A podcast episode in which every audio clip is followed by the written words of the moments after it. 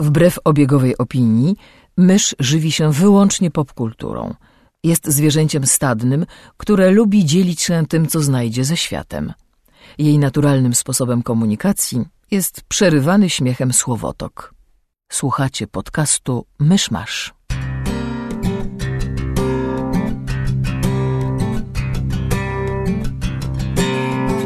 Gospodarzami podcastu Myszmasz są Krzysiek Ceran, redaktor portalu Avalon. Kamil Borek ze studia Kobart. i Mysz, autorka bloga Mysza Mówi. Drodzy słuchacze, jest poniedziałek, 29 września 2014 roku. Urodziny zawodowego przestępcy Silvio Berlusconiego, rocznica śmierci Emila Zoli oraz Międzynarodowy Dzień Kawy. Zapraszam do 76 odcinka podcastu Myszmasz. Nie wiem, jak to skomentować. Nikt się nie prosi. E, jeśli nie mamy żadnych newsów, pytam tak ostrożnie, żeby to się znowu nie przerodziło w przepychanki, czy mamy newsy, czy nie mamy newsów. Ja mam jakieś trzy tygodnie zaległości, jeśli chodzi o internet. Są ploty, że Netflix zejdzie do Polski w pierwszym kwartale przyszłego roku. No tak, ale te ploty od pół roku chodzą co najmniej. Nie, także- bo od pół roku chodziły ploty, że w trzecim, czwartym być może. A teraz chodzą ploty, że w pierwszym. E, Okej, zobaczymy. To już i tak się tam nielegalnie do nich podłączyłeś, więc co cię to Oboje żeśmy się podłączyli. to jest właśnie fascynujące, bo może ktoś z nas słuchających wie, jak to wygląda z legalnością tego, czy jeśli ja... To jest niesamowite, że ja płacę za legalnie dostępny serwis nielegalnie. To jest coś, Powinieneś się... się wstydzić, będziesz się smażył Znaczy w inaczej. piekle. Tak.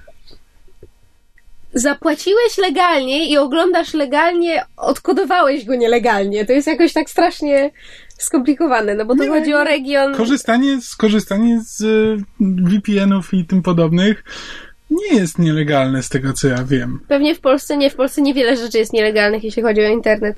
Nie, no, w ogóle jakby to nie jest coś, co się kara. No dobra, nieważne. Może, może ktoś nas słucha, kto coś o tym wie. Jeśli tak, to chętnie posłuchamy. Ale póki co, to możemy chyba przejść do odcinka. Tak, no to skoro nie mamy newsów, e, to ja chciałbym zacząć od czegoś, o czym już mówiłem. Mianowicie mam dwa takie tematy, o których dwa tygodnie temu wspominałem. Jeden to jest powieść Tonąca dziewczyna i drugi to gra gra o tron. Przepraszam, to brzmi dziwnie. E, I zacznę może od Tonącej dziewczyny, bo jak o niej mówiłem dwa tygodnie temu, to jest powieść Caitlin Kiernan. Zostało mi wtedy jakieś 40 stron i nie chciałem więcej mówić o książce, bo zastanawiałem się, czy może autorka tam na końcu daje klucz do powieści. No więc nie. To, to, to, nie jest, to nie jest powieść, gdzie masz zrozumieć, o co chodziło linearnie. To jest powieść, która daje ci symbole i sugeruje, jakie może być ich znaczenie, ale odczytanie ich tak naprawdę pozostawia tobie. I tak jak mówiłem, to jest bardzo, bardzo klimatyczna powieść, bardzo unikalna, bardzo specyficzna, właśnie historia. Nie chcę mówić historia szaleństwa, historia osoby chorej na schizofrenię i, i historia jej pewnego na, natręctwa, którą sama narratorka określa jako historię o duchach, przy czym ona przez nawiedzenie rozumie natrętną myśl, która cię no, nie daje ci spokoju. I właśnie jako przykłady tego typu nawiedzeń w cudzysłowie podaje na przykład e, japoński las samobójców, gdzie ktoś napisał powieść, w której zakochani tam się udają, żeby się tam zabić, a potem czytelnicy jakby idea się rozprzestrzeniła i ludzie faktycznie zaczęli się tam zabijać i zabijają się tam po dziś dzień. I właśnie w ten sposób Tonąca dziewczyna jest taką historią o nawiedzeniu, gdzie tymi natrętnymi myślami są skojarzenia z syrenami, tymi klasycznymi, które topią marynarzy, e, z wilkami czyhającymi na czerwonego kapturka i wieloma innymi jakby drobniejszymi motywami, które nie są tak znaczące, ale za to powracają raz po raz właśnie w takim ten na swój sposób jest niemal hipnotyczne, jak tam narratorka wraca do, do jakichś kolejnych historii. Bardzo to wszystko jest e, ciekawe, wciągające, niezrozumiałe, ale o to chodzi. Mhm. Mm, Także bardzo polecam. Mogę tylko nadmienić, że narratorka jest lesbijką, a jej partnerka jest osobą transpłciową, więc jeśli ktoś ma alergię na samą myśl o nieheteronormatywnych postaciach fikcyjnych. Co biorąc pod uwagę ostatnie wydarzenia w e, Polsce, e, wygląda na to, że jest dość powszechne, niestety. No więc jeśli ktoś dostaje wysypki na samą myśl, no to faktycznie może lepiej ten. Ale wtedy straci okazję na kontakt z bardzo unikalną powieścią. Przypominałeś coś jeszcze o grze o Tron? A tak, e, komputerowa gra o Tron, gra RPG z 2012 roku, o której już mówiłem, że jest tania. Natomiast zacząłem w nią grać po tym, jak z paru źródeł usłyszałem, że, że mimo wszystko warto.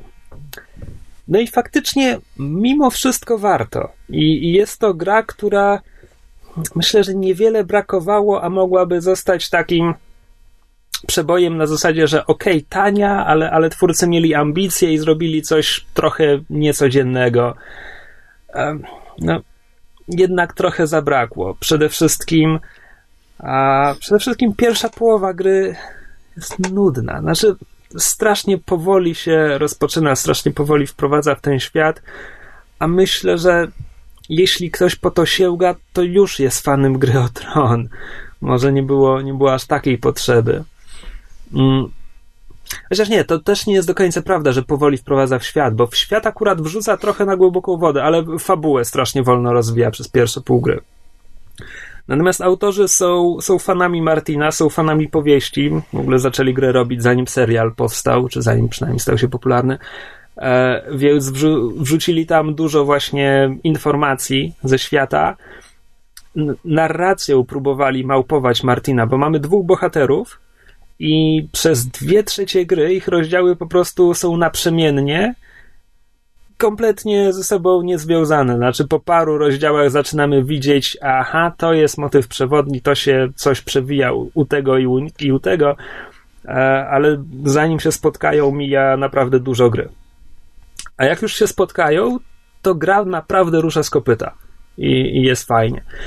E, i, jednym z tych bohaterów jest Alester Westford, pomniejszy arystokrata ten z, z ziemi podległych Lannisterom, który spełdził 15 lat za morzem w Bravos i jest teraz czerwonym mnichem, czyli mnichem płonącego boga Rollo.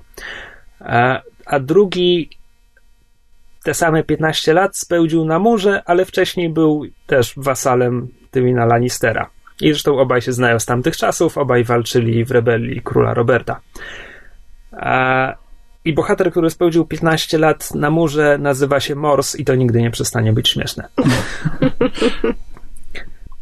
I tak, oni obaj, zwłaszcza Mors, są starszymi facetami. Mors to jest tak po 50 zdecydowanie. I już to jest w sumie unikalne, bo nie ma wielu gier, gdzie wcielamy się w kogoś starszego niż 30 parę lat wszystkie Splinter Celle po, po których, no trójce. no dobra, tak, on tam z, zaczyna wyglądać jak nauczyciel matematyki od czwartej części. Okay.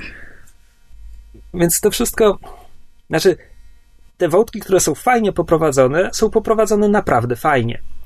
Niestety dostajemy też trochę takich typowych RPGowych głupotek, gdzie tam wchodzimy do królewskiej przystani i nie wiem, w jednym rozdziale naszymi przeciwnikami jest gang Reaperów to to jest coś, co mogłoby być, nie wiem, w Knights of the Old Republic, coś po prostu tak kompletnie nijak się nie mającego do gry o tron. Albo jeden z głównych złych ma swoją armię podwładnych i nazywa ich Bloodseekerami. I to też jest takie, nie wiem, no jakieś Final Fantasy. No, no tak. nie pasuje to kompletnie do klimatu Westeros.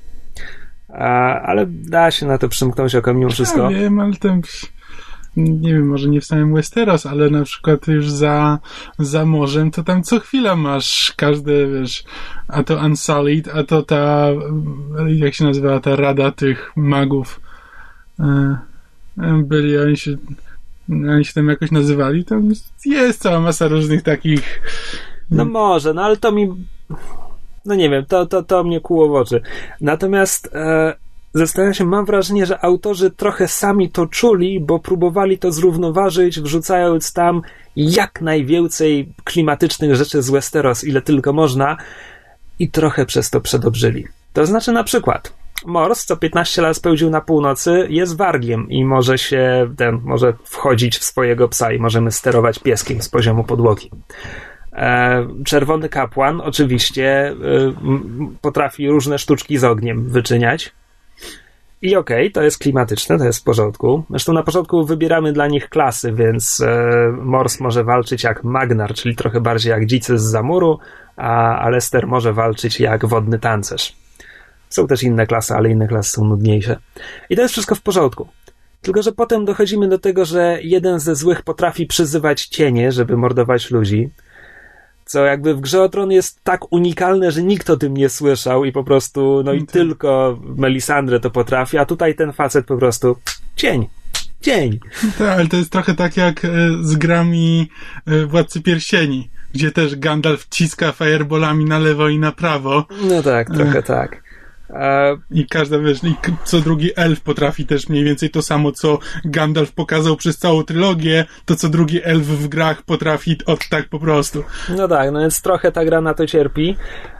Plus do tego, gdyby jeszcze te cienie czemuś służyły, znaczy oczywiście podkreślają, jaki ten zły jest zły, e, i do ostatecznej walki z nim trzeba się przygotować, ponieważ uważaj, gra nam podrzuca taki wiesz, takie trivia, którego jeszcze nie mieliśmy w książkach, e, że cię nie można zabić e, walyriańską stalą.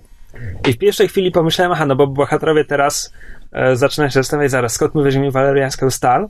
A finał toczy się, to jest wykorzystane od razu, jak to jest wpisane w fabułę powieści w serialu. Finał toczy się równolegle z egzekucją Edarda Starka. A, hmm. uwaga, spoiler. E, co jest jakby wykorzystane jako wydarzenie, które przyciągnie uwagę wszystkich w królewskiej przystani, więc oni tam będą mieli wolną rękę, żeby coś tam zrobić. I w pierwszej chwili sobie pomyślałem, o kurczę, zaraz, czy oni mi chcą powiedzieć, że ja teraz będę musiał ukraść lód, zanim Lannisterowie go przetopią i będę walczył mieczem Edarda Starka? Nie. Um, trzy uliczki obok jest stary znajomych na naszych przyjaciół, tfu, naszych bohaterów i on ma waleriański miecz i trzeba go poprosić, żeby im go pożyczył. Po prostu tak kompletnie niepotrzebne, po prostu, żeby, żeby wydłużyć finał o pięć minut. No, tak. no więc niestety takich bzdurek jest sporo. Natomiast, co jest fajne, może to jest kwestia tego, że grałem na najniższym poziomie trudności, nie wiem, jak wyglądają wyższe, ale a może to jest kwestia ograniczeń technicznych gry, nie wiem. Ale tam walka rzadko kiedy toczy się z więcej niż pięcioma przeciwnikami naraz. Więc o ile przez całą grę mordujemy setki wrogów, e, to jest to wiarygodne, bo to są faktycznie walki, okej, okay, nasz bohater przeciwko dwóm, trzem, czterem rycerzom. Jakby można uwierzyć, że on faktycznie mógłby ich wszystkich zabić. Hmm. To jest fajne. E, zwłaszcza, że grałem w to tuż po Dragon Age 2. No tak. A, i też druga, druga wielka różnica w porównaniu z Dragon Age'em drugim, ta gra składa się głównie e, z głównych questów fabularnych, plus do tego oczywiście są side questy. Ale prawie nie ma sytuacji, żebyś miał więcej niż jeden side quest na raz. To jest pierwsza miła rzecz. Druga miła rzecz, e, znakomita większość side questów jest bardzo ładnie wpisana w fabułę. Znaczy, okej, okay, to są rzeczy poboczne, jak sama nazwa wskazuje, ale to są rzeczy, które w większości wynikają z obowiązków naszych postaci. To znaczy, jeśli jeden jest lordem i opiekuje się swoim miasteczkiem, to to są jakieś problemy w miasteczku. Jeśli ten drugi jest z nocnej straży, to to są właśnie takie mhm. rzeczy, które musiałby załatwić człowiek z nocnej straży. I to jest fajne i to jest wiarygodne. I w zasadzie nie ma jakichś irytujących rzeczy, że wiesz, masz tylko pójść tam i przynieść artefakt z jaskini, przepraszam, flashback ze Skyrima. Panie, panie Czerwony Magu, czy mógłby pan mi po, pomóc ponieść te flądry z nad rzeki do, e, do Dokładnie, chaty? nie ma, nie ma takich rzeczy jak w Mass Effectach, gdzie wiesz, ratujesz wszechświat, ale słuchaj, ten sklepikarz prosi, czy mógłbyś przynieść jego walizkę z planety obok. Tego wszystkiego nie ma, ale tuż przed finałem, finał odbywa się w Królewskiej Przystani. Tuż przed finałem nasi bohaterowie dostają w dupę, więc jest powiedziane, no dobra, to teraz gonimy go do Królewskiej Przystani. Więc tuż przed tym finałem e, zostają odbloko- odblokowane dwa sidequesty. I to wygląda tak, że jakiś maester przychodzi do naszych bohaterów, mówi: e, Panie Mors, kruk do pana przyleciał, potrzebują cię na murze. I nagle dostajesz dwa sidequesty, które są na murze, które nie mają żadnego związku z główną fabułą. I po prostu sama idea, że nasi bohaterowie, kiedy muszą, wiesz, co koń wyskoczy Gdańsk do Królewskiej Przystani, robią to objazdem przez mur, jest tak idiotyczne. No tak. Nie wiem, no. twórcy gry byli dumni z tego, jakim mur wyszedł i stwierdzili, że muszą go jeszcze raz pokazać. No po tak. prostu nie miało to żadnego sensu. Ale ogólnie, w skrócie, podsumowując, w grze jest trochę durnotek. Widać, że jest tania i graficznie, i, i są jakieś śmieszne bugi, gdzie nagle pies przegryza komuś gardło, wisząc w powietrzu metr od niego. E, ale mimo wszystko to jest ciekawa gra. I o ile przez pierwsze pół jest trochę nudno, jest ogólnie za miło, bo, bo możesz próbować zadowolić wszystkich i gra nie kopie cię za to po tyłku, tak jak to powinno być w grze o Tron, to mniej więcej od połowy zaczynają padać trupy i robi się naprawdę nieprzyjemnie i, i to jest gra o Tron. Także ze wszystkimi zastrzeżeniami, ale jednak polecam. E, To ja w tym tygodniu, wbrew e, moim pierwotnym zastrzeżeniom, e, obejrzałem w końcu grę Endera, bo się akurat pojawiła na Netflixie. Może przypomnijmy, nie znasz książki? nie znam książki ani trochę. Okej.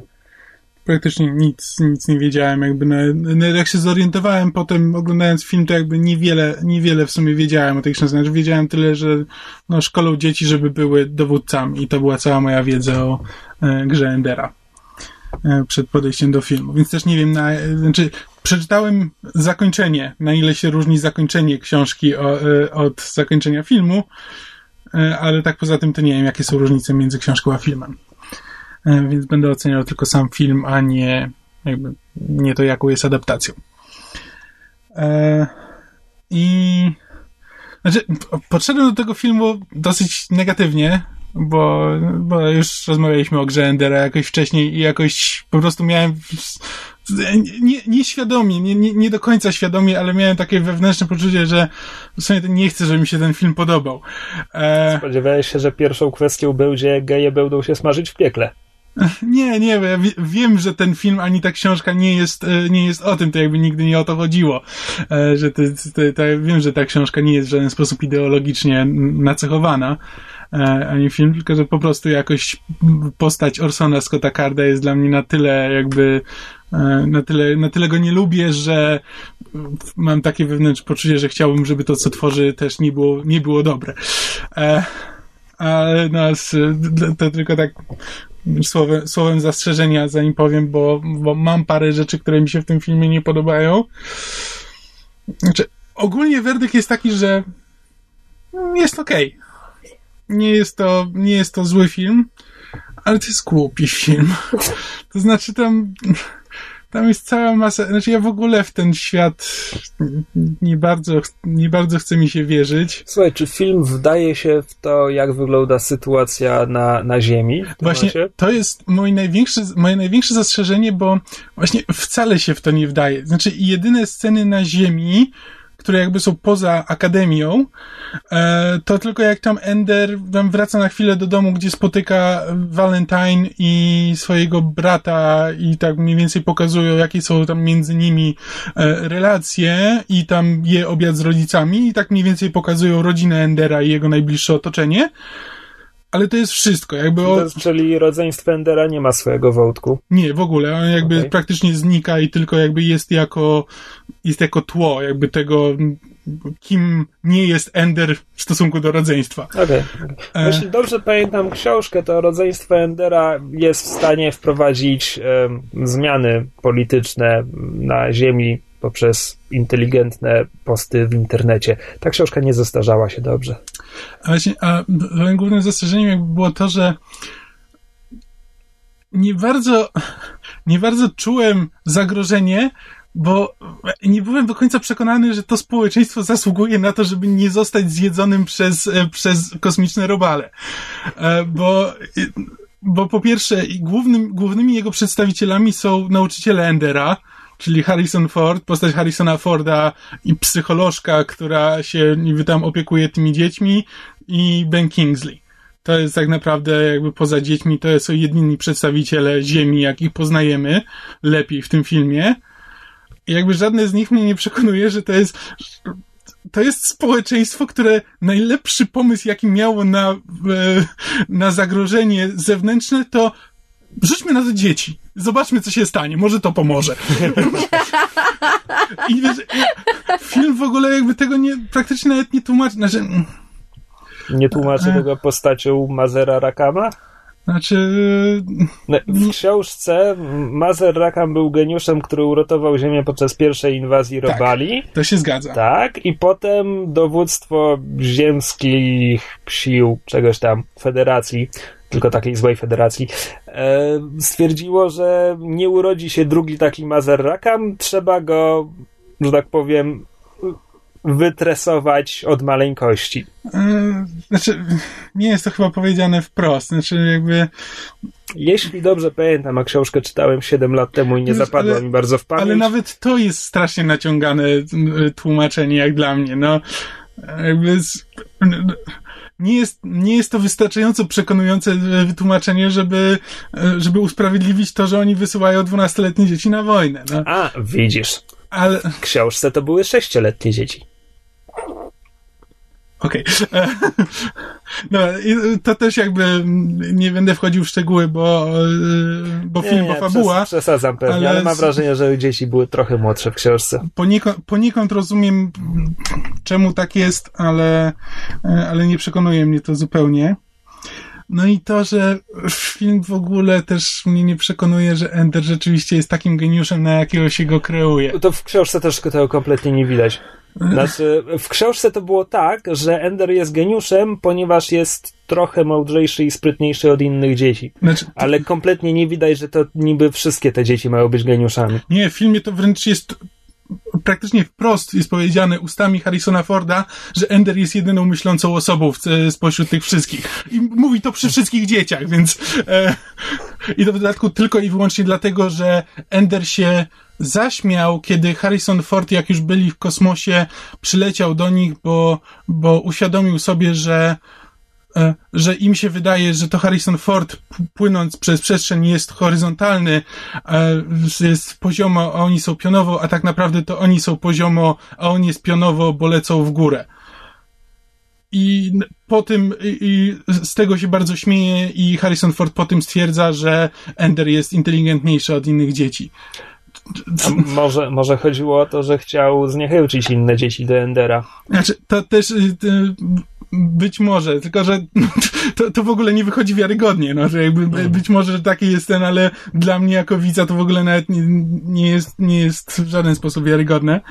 Ale też jakby mniejsza o to, to też jest mała scena, która niewiele wnosi do filmu i nie jest szczególnie ważna. No ale tak, właśnie jest problem taki, że jakby Ender jest po prostu inteligentniejszy od tych dzieci, bo tamte dzieci są, to w ogóle jakby nie są dowódcy. Oni wszyscy są, e, oni wszyscy są poplecznikami, oni są jakby, tam nie ma czegoś takiego, że każdy z nich chciałby dowodzić. Jakby każdy z nich jest, po prostu słucha się tego, kto akurat jest e, dowódcą. Jakby nie ma w ogóle, wiesz, nie, nie, nie, nie czuję, że te dzieci są szkolone do tego, żeby być dowódcami. E, I jeszcze, z, a tak naprawdę jak pokazują właśnie ten zmysł strategiczny Endera, to tam są sceny jakby walki na takiej wielkiej arenie e, w zerowej grawitacji i w niej są sześciany, e, za którymi tam można się chować i są dwa zespoły, które się ze sobą, które ze sobą walczą. Nie wiem, czy to, to też było tak przedstawione w książce. z tego co Tak. pamiętam. I tam mają takie pistolety z paralizatorami i do siebie strzelają. Pierwszym pomysłem e, Endera w, w pierwszej walce jest to, że e, po tym jak ta jego ukochana dziewczyna dostaje e, paralizatorem i gdzieś tam odlatuje na bok, to Jego ukochana dziewczyna? No tam jest taki wątek, takie jest taka szczenięca miłość jakby między nimi, to jakby nie jest technicznie rzecz biorąc romantyczny wątek, bo on jakby do nikąd nie prowadzi, ale jakby ewidentnie widać, że pomiędzy nimi jest taki, czy taka właśnie szczeniacka, Okej. e, szczeniackie uczucie. E, I z, on za nią, on za nią po prostu leci, po czym e, prosi go, żeby go e, wypchnęła i wlatuje w sam środek przeciwnika i obracając się dookoła własnej osi strzela z tego paralizatora i zastrzeliwuje wszystkich dookoła.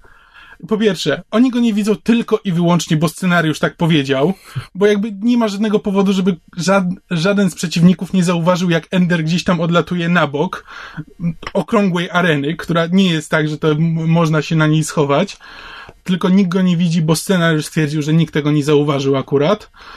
E, No, a po drugie, w poprzedniej scenie widzieliśmy, jak Ender dopiero uczy się strzelać z tego pistoletu, a w następnej już obraca się dookoła w, w zerowej grawitacji i strzela do wszystkich perfekcyjnie.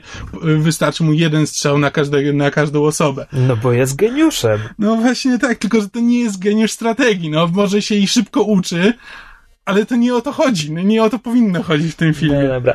E, Z moich mglistych wspomnień książki pamiętam jeszcze, że jest tam istotny wątek takiej gry w wirtualnej rzeczywistości. Tak, y, znaczy on tam ma takie coś w stylu PSP, tylko, y, na którym sobie gra, tylko że y, umysłem steruje y, jakimś szczurkiem. I tam jest cała ta gra i potem tak, y, potem I coś... to jest, co, to jest jakoś rozwinięte w filmie? To jest jakiś dłuższy wątek? Czy...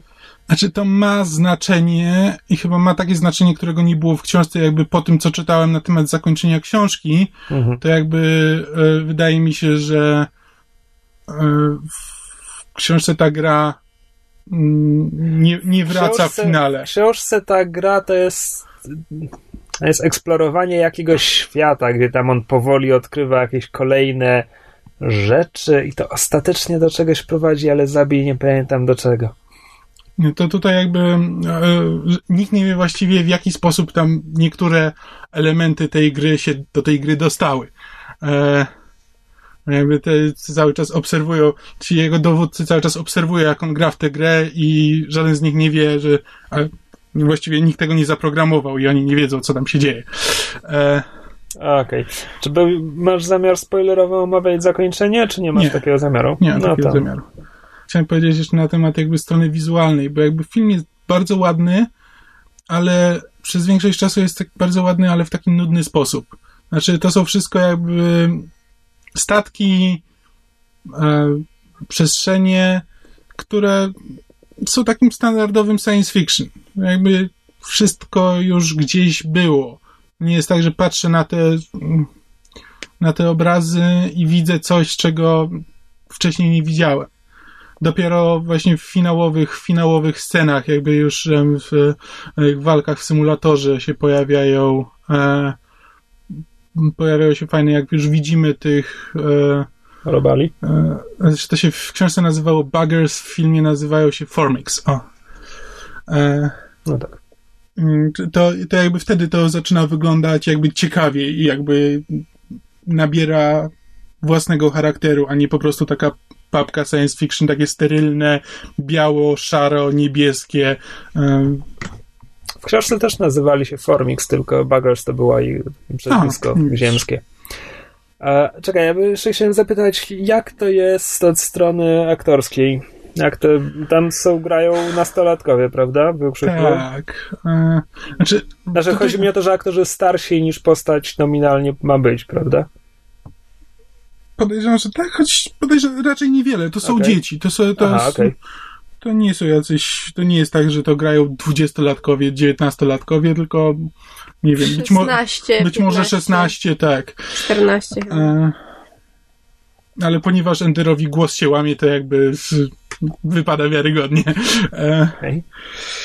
porównując z więźniem labiryntu, o którym mówiliśmy w zeszłym tygodniu, to nie wypada tak dobrze. No bo w więźniu labiryntu to rzeczywiście byli, no przynajmniej główna trójka, no to byli w sumie najlepiej, to jest bardzo dobrze zapowiadający się aktorzy młodego pokolenia. Przy czym też to jest nie fair porównanie, bo m, w więźniu labiryntu mówimy o 18-19 latkach. Większość z nich ma 20-23 Myślę, że i grają tam przedział powiedzmy, zależnie od tego jaką postać grają, przedział może 13-16. No ale taka różnica właśnie 5-7 lat w, w, No dobra, to, to w jest, kinie to, to jest to, to zupełnie jest zupełnie normalne. nie fair porównanie. E, No to dobra. nie jest źle, jakby ta dziewczyna jest, dziewczyna jest w porządku, jakby dzieciaki nie mają wiele do zagrania, więc ten a Ender, Ender gra trochę na jedną nutę, ale można mu to Okej, wybaczyć. a Harrison Ford i Ben Kingsley mają tu coś do zagrania, czy po prostu są na ekranie? Ben Kingsley zasadniczo gra śmiesznym akcentem, On gra Maorysa w tym filmie, prawda? e, jakiegoś tam potomka Maorysa. E, ale tak, ma taki, ma taki przedziwny akcent i to jest tak naprawdę cała charakteryzacja, znaczy cała charakterystyka tej postaci. E, a, a Harrison Ford zaskakująco zaskakująco fajnie. Jakoś wiesz, on tak ostatnie, ostatnie lata to mam wrażenie, nie że tak, że właśnie, że sprawia wrażenie, jakby mu się nie chciało grać w filmie i gra tylko takich starych, zrzędliwych facetów. E, a tutaj przynajmniej jakby wierzyłem w to, że to jest ktoś, kto e, niezależnie od tego, czy się z nim zgadzam, czy nie, wierzy w to, co mówi i to, co, i to, co robi. Więc e, tyle dobrego. Jakby od tej postaci to było wymagane i, i to było ważne. No ale tak, to jakby nie jest... Jest zupełnie do zapomnienia film i jakby Jeśli dobrze pamiętam, reżyserował go zdobywca Oscara, reżyser w Pustyni i w Puszczy i Wolverina, prawda? Gavin Hood. Gavin Hood, tak. No to dobrze pamiętam. Pustyni puszcza. Tak. Ten remake. Ha. Stasiu, Stasiu, wielbłądy pouciekały. to akurat stare w pustyni w puszczy. No tak, no. Fanom książki podejrzewam, że mogę polecić, bo to jest sprawna, w miarę sprawny film. Jeśli ktoś lubi tę historię, to może ją sobie obejrzeć na ekranie, ale znaczy, mnie tak od zera do siebie nie przekonała. Choć też tak jak mówię, no, byłem do niej dosyć negatywnie nastawiony, potem jakby w miarę filmu starałem się naprawdę znaleźć w tym filmie coś pozytywnego, bo nie chciałem być tak całkowicie negatywny, ale mimo wszystko nie uważam, żeby to był najlepszy film, że po prostu jest średni. No. Jakby box office też na to pokazuje i nie mają zamiaru. Sequel dopiero będą robić, jak Ors, Orson Scott, y, Scott? Orson Scott Card napisze swoje sequele. On napisał już mnóstwo sequeli. Znaczy, y, sequele tak, ale on chce teraz. y, Znaczy, przeczytałem na Wikipedii takie zdanie, że ponieważ aktorzy jakby mieli kręcić sequel, tak jak te, te sequele, które już są, równolegle z pierwszym filmem, ale w końcu nie zrobili i teraz aktorzy są już za starzy. Więc postanowili, że będą dopiero kręcić, że Scott Card ma pisać serię coś tam po Enderze. Że w każdym razie, że już po erze, po erze Endera. Coś takiego. I na tej podstawie będą kręcić albo film, albo serial, w zależności od tego, Okej, ile będą nie, mieli na to nie pieniędzy. czytałem żadnej z kontynuacji, więc nie chcę się mm, ten za długo wypowiadać, ale mam wrażenie, że już niektóre z książek, które już napisał, są po Enderze. Nie, po prostu na Wikipedii one były, by, było użyte słowo upcoming e, books. Okej, e, może. Dopiero nadchodzące książki Może. e, Scotta Carda. Tak zrozumiałem. No, Chyba, że ja coś pomyliłem, ale to, to przepraszam. I na pewno ktoś mnie w komentarzach poprawi. Ale jeśli ktoś jest fanem powieści i chciałby mieć do czynienia z jakąś adaptacją, a film mu się nie podoba na przykład, to Marvel wydał kilka serii komiksowych. Które właśnie, tak, będą co adaptacjami i samej gry Endera, i cienia Endera, i mam wrażenie, że chyba jeszcze innych. W każdym razie, jeśli dobrze pamiętam, to te komiksy zbierały dobre albo nawet bardzo dobre recenzje. Hmm. Sam nie miałem ich w rękach, także. To co, e, przechodzimy do seriali, bo się sezon serialowy zaczął. Tak, a ja specjalnie Sezon dla ciebie, Krzysztofie, sezonów. obejrzałam piloty. Nie wiem dlaczego, słuchajcie, coś mi się w mózgu przestawiło w ciągu ostatnich paru miesięcy, bo e, nie wiem, czy wy i słuchacze kojarzycie, ale e, obiecywałam sobie, że w tym e, roku, znaczy w tym sezonie serialowym 2013-2014, że obejrzę wszystkie piloty nowych seriali. Mm, Po pierwsze, wydaje mi się, że jesteś masochistką, po drugie, ale miałem wrażenie, że miałaś na myśli te, które w lecie startują. Znaczy, chodziło o. E, miałam obejrzeć wszystkie piloty od jesieni zeszłego roku do jesieni tego roku, czyli sezon właśnie to jest tak zwany sezon, bo w, w telewizji sezony się liczy od, od jesieni. Em, i, I właśnie, żeby było śmieszniej, większość tych jesiennych i potem, które wychodziły, te tak zwane mid-season, czyli em, w zimie i potem już w nowym roku obejrzałam, a właśnie z letnimi miałam problem, w związku z tym mam jakieś cztery miesiące pilotów zaległości, jakieś w sumie, nie wiem, chyba ze 30 seriali, znaczy w sensie 30 pilotów, ale specjalnie dla ciebie obejrzałam trzy odcinki najnowszych e, pilotów, żebyśmy mieli o czym rozmawiać. Ale po prostu tak strasznie mi się nie chce do nich siadać, bo wiem, że jak już do nich usiądę i obejrzę, to muszę o nich napisać, a tak strasznie mi się nie chce. Problemy pierwszego świata. No, nawet nie masz zielonego pojęcia, jak bardzo. Dobra, to um, ja obejrzałem tylko trzy piloty. Jakie? I no tak, nie będę trzymał słuchaczy w niepewności. To byli agent, nie, przepraszam, agenci to nie pilot, to po prostu początek drugiego Premiera. sezonu, więc dwa piloty. E, Gotham i Forever. I może najpierw Forever, bo o tym chyba będzie mniej. Ja nie widziałem Forever, więc. y, Dobra, nie to myślę posłucham. szybko z Forever rozprawimy.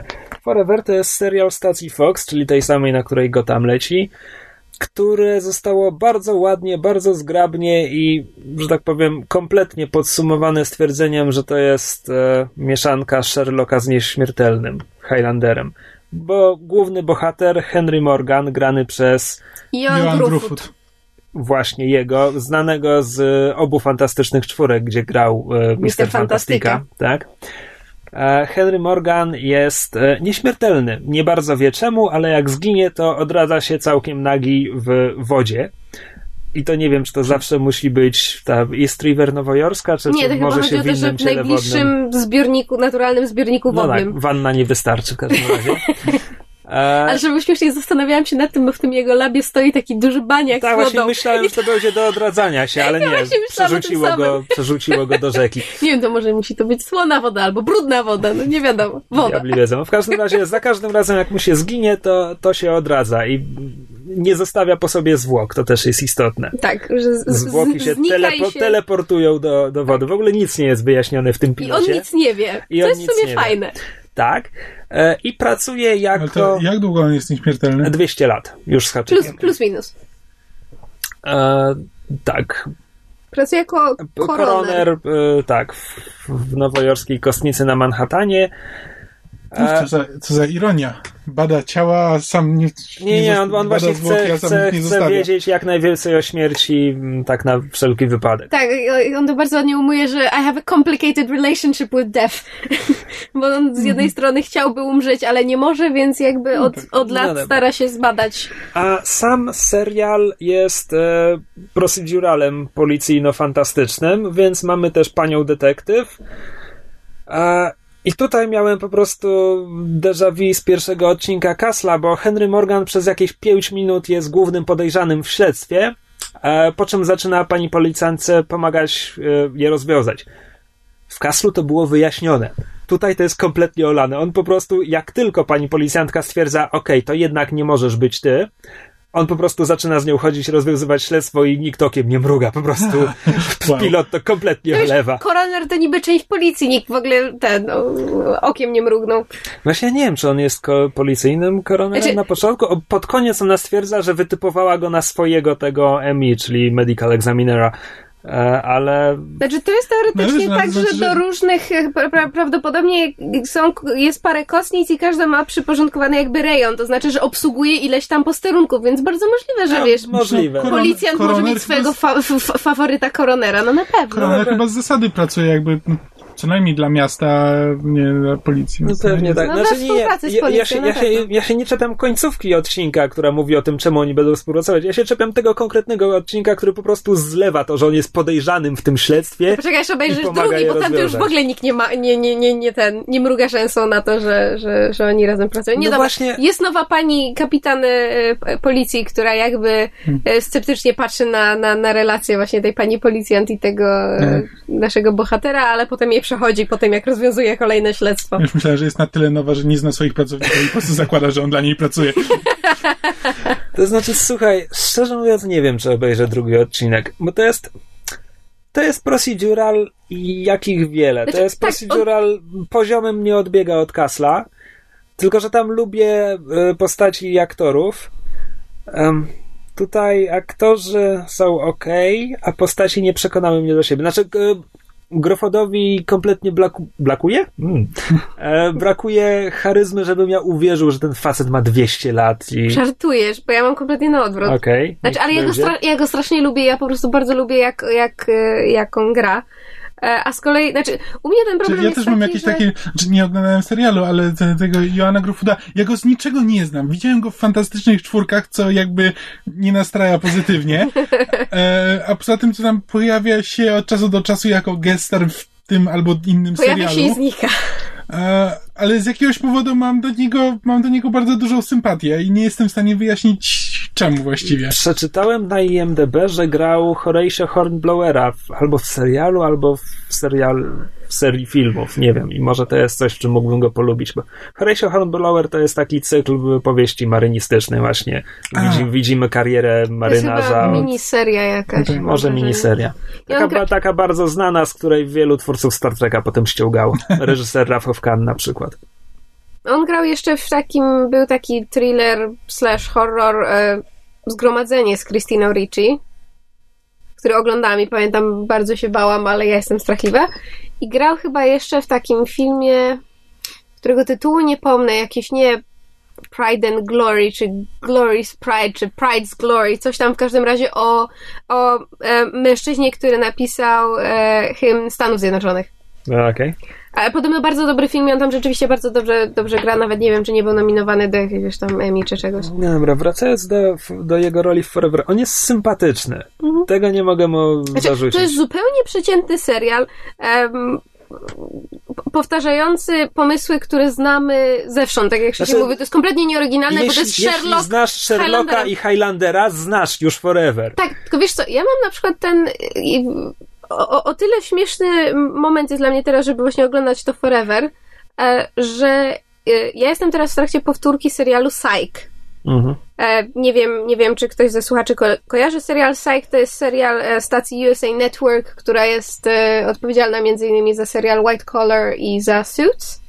I to jest taka bardzo specyficzna stacja, bo oni, oni właściwie nie robią stricte dramatów ani stricte komedii, oni robią takie coś e, pomiędzy. Psych jest na, na skali bardziej w stronę komedii i to jest o em, właśnie takim bardzo uzdolnionym, inteligentnym, hiper, to jest, to się nazywa hyper ob- observant, czyli, prawda, on wszystko z, z, zauważa najmniejsze szczegóły, tak jak właśnie Sherlock Holmes. Em, tylko takim Wiesz, jak się obiboku. nazywał po polsku ten serial? No. Świry. A tak, zapomniałam. Psych to jest świry. Mhm. Makes perfect sense. E, w każdym razie serial o, o właśnie takim bardzo e, ten inteligentnym, zwracającym na wszystko uwagę kolesiu, który jest totalnym obibokiem i on bardzo chce rozwiązywać śledztwa dla policji w, w Santa Barbara w Kalifornii, więc udaje um, psychic, czyli to jest po polsku, jak to jest? Medium. Tak, Medium. no, medium. I jego najlepszy przyjaciel, który jest em, reprezentantem firmy farmaceutycznej, mu pomaga. I to jest rzeczywiście strasznie fajny komediowy serial i, i, i bardzo go polecam, ale chodzi mi o to, że on się opiera, to znowu jest kolejny serial, który się opiera na tym samym, że jest po prostu facet, który zauważa bardzo wiele rzeczy, w związku z tym rozwiązuje śledztwa. A to, co jest obok, to jest jakby osobna kwestia. I potem zaczęłam się zastanawiać nad tym, ile z współczesnych teraz, y, o, ostatnio wychodzących seriali opiera się na dokładnie tym samym pomyśle i po prostu Znaczy, Psych, e, ręce opadają. o istnieniu Psych jestem świadomy z trzech powodów. Po pierwsze, e, bo Ananas stał się słynny w internecie. Po drugie, Pineapple. e, bo pomocnika głównego bohatera gra aktor z West Winga, ja staram się śledzić ich kariery. On się nazywa Dule Hill. Dule Hill, tak. A- Dule, właśnie nie Ma, ma kreseczkę nad A. E, więc znaczy, że musi być Dule Hill. A po trzecie, e, w internecie za każdym razem, jak jest mowa o, o Psych albo o mentaliście, to zaraz z dopiskiem, że e, Psych to jest mentalista, tylko powstał wcześniej i nie stał się tak popularny. Tak, bo znaczy ja właśnie na początku, kiedy pierwszy raz oglądałam Psych, utknęłam gdzieś jako, koło czwartego sezonu i wtedy to był, kiedy serial pierwszy raz wychodził, to sporo się o nim mówiło, bo rzeczywiście był fajny. Potem się pojawił Mentalista, większość osób się przerzuciła na Mentalistę, bo on był bardziej na poważnie. Psych rzeczywiście się nabija. Ale w tym, jak się nabija, jest fantastyczny. To jest serial, który między innymi miał całe odcinki po, poświęcone na przykład e, składaniu hołdu kinu lat 80. i udało mi się strasznie dużo gestarów przyciągnąć. To jest serial, w którym bardzo dużo ludzi e, grało swego czasu. Zresztą był kręcony w Kanadzie, więc e, wszystkie inne seriale, które są kręcone w Kanadzie, to po prostu oni e, podbierali im e, gestarów. Ale to jest bardzo fajny serial, o którym teraz się praktycznie nie słyszy, mimo że on się albo właśnie kończy, albo przed chwilą skończył. Miał chyba dziewiąty i ostatni sezon, albo będzie dopiero teraz. Ale właśnie chodzi mi o to, jak jak dużo jest teraz taki, te, tego typu seriali, bo jest właśnie na przykład Psych, jest e, Mentalista, teraz jest to Forever, które jest z kolei pseudokopią serialu z 2008 roku, który się nazywał New Amsterdam, miał tylko 8 odcinków, też był na Foxie i główną rolę grał Nikolaj Koster-Waldau. O czym No, się dowiedziałam dzisiaj z Wikipedii. Amsterdam? E, Właśnie nieśmiertelny facet y, jest detektywem policyjnym. No po prostu Biorąc pod uwagę, że, że lubię Nikolaja Koster-Waldau, to może dam szansę New Amsterdam, a dam, dam spokój forever. Nie, po prostu obejrzałem tego pilota i po pierwsze, ja już widziałem te pomysły, Hmm. a po drugie, ja już widziałem ten serial, w sensie te, widziałem te sceny, słyszałem Mhm. te dialogi, więc mamy nieśmiertelnego, który ma dylemat, bo jest nieśmiertelny i to jest strasznie przykre być nieśmiertelnym i on chciałby się zabić. Więc oczywiście pada kwestia, może, może nie zginąłeś, ale tak naprawdę nie żyłeś te ostatnie lata. mówię, to jest kopia na kopię, ale dla mnie jakoś, nie wiem, coś jest w tym serialu, znaczy pomijam jakby Znaczy, Iona Grufuda, Nie, wiesz co, mnie nawet zirytowało to, że gość ma ten, to co TV Tropes nazywa Sherlock Scan, czyli że patrzy i dostrzeguje te wszystkie szczegóły i widzi, że kobieta jest e, rosyjską wiolonczelistką. E, bo to jest... Bo to nie ma uzasadnienia w tym, że on jest nie, nieśmiertelny. To jest po prostu twórcy pomyśleli, okej, on jest geniuszem, jak pokazać, że on jest geniuszem? Hmm, Sherlock jest teraz popularny, to on niech to robi. Jakby... Znaczy ja to interpretowałam jako to, że, znaczy nie wiem, czy mam rację, ale interpretowałam to jako to, że ponieważ on żyje już 200 lat, to nauczył się na pewne rzeczy zwracać uwagę. On sobie w sobie wyszkolił te, te, te może- hyper-observant. Może, no dobra. znaleźć dla tego polskiego Pu- określenia. nie Puenta, moja puenta jest taka, że to jest. Nie mam, Hiperspostrzegawczość. nie mam temu pilotowi nic do zarzucenia poza tym, że jest wtórny, Mhm. a jakby wtórnych rzeczy w, w kulturze mnóstwo. Uhu. Natomiast nie znajduję w nim jakiejś iskierki, czegoś, Mhm. co by mnie chwyciło, czegoś odrobinę oryginalnego, albo po prostu, wiesz, że, że, żebym polubił jakiś konkretny wątek, jakąś konkretną postać. Nie ma Mhm. czegoś takiego w tym pilocie.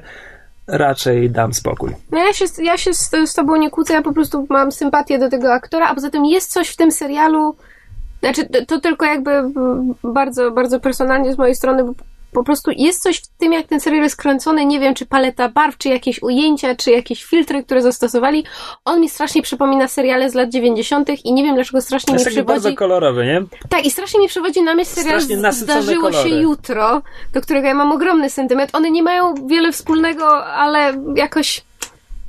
Nie obejrzałam pilota, obejrzałam dzisiaj e, e, rano drugi odcinek i nie wiem, sympatii, sympatii do głównego, do, do, do głównego bohatera, głównego aktora dam mu jeszcze, nie wiem, do piątego odcinka i zobaczymy, co będzie dalej. Można, nie trzeba. Nie, bo ja tak sobie myślę, że każdy ma w swojej ramówce miejsce na jeden procedural bez kompletnie ambicji i wydaje mi się, że w tym sezonie moim wciąż będzie Castle. Chyba, że zgłupieje już do końca ten serial. No, biorąc pod uwagę, jak się zakończy ostatni sezon, to ja jestem Jest tak szansa. bardzo, bardzo na płocie siedzę okrakiem. A to jeszcze zanim przejdziemy do Gotham, ja bym chciała wspomnieć jeszcze tylko o jednym e, pilocie, bo zaczęłam go oglądać zanim wyszliśmy z domu, nie skończyłam, ale po prostu tak a propos powtarzających się motywów, e, mi się skojarzyło. Serial, e, pilot się nazywa Scorpion i opowiada o grupie, to, to, tak jeszcze bardzo w nawiązaniu do Greendera, opowiada o grupie geniuszy, którzy tam będą pomagali Homeland Security zażegnać jakieś tam kryzysy. Widziałem na IO9 była Właśnie scena... widziałem w internecie, że jest strasznie durny z różnych powodów, ale Tak, ja wi- widziałem scenę całą e, tego, jak się włamują do laptopa z, e, na pokładzie samolotu z samochodu jadącego pod samolotem. E. E, znaczy, do tego jeszcze nie doszłam, dopiero zaczęłam, jestem jakieś, nie wiem, 15, mm, 15 minut e, w, w, w odcinku. Jezu, jakie kalki językowe popełniam, masakra. Obejrzałam dopiero 15 minut odcinka. Ale po prostu bawi mnie to, że e, wiesz, powtarzam sobie teraz Psych, obejrzałam Pilot Forever, mam po prostu straszne déjà vu. Oglądam teraz tego Pilot Skorpiona i przypomina mi się serial, który e, zakończył się parę lat temu, co prawda szkoda, miał tylko dwa sezony, e, Breaking In, który op- opiera się mniej więcej na tym samym. Wcześniej było Leverage, jest jeszcze em, ten brytyjska wersja Leverage, to się chyba nazywało o Jezu, wiem o czym nie mówisz. Heist, Ale coś takiego. Mm, Nieważne. W każdym razie y, wiele jest, do tej pory było bardzo wiele seriali właśnie na zasadzie, że grupa w różny sposób, indy, y, znaczy ten, y, w różny sposób uzdolnionych indywiduów e, o, o różnym poziomie inteligencji, zazwyczaj któryś z nich, e, a może, może nawet wszyscy mają, wiesz, wyższy iloraz inteligencji, robi coś. I tutaj może być, e, e, włamuje się, e, włamuje się, żeby sprawdzać systemy bezpieczeństwa. Hustle. Hustle, there it is. Um, pomaga...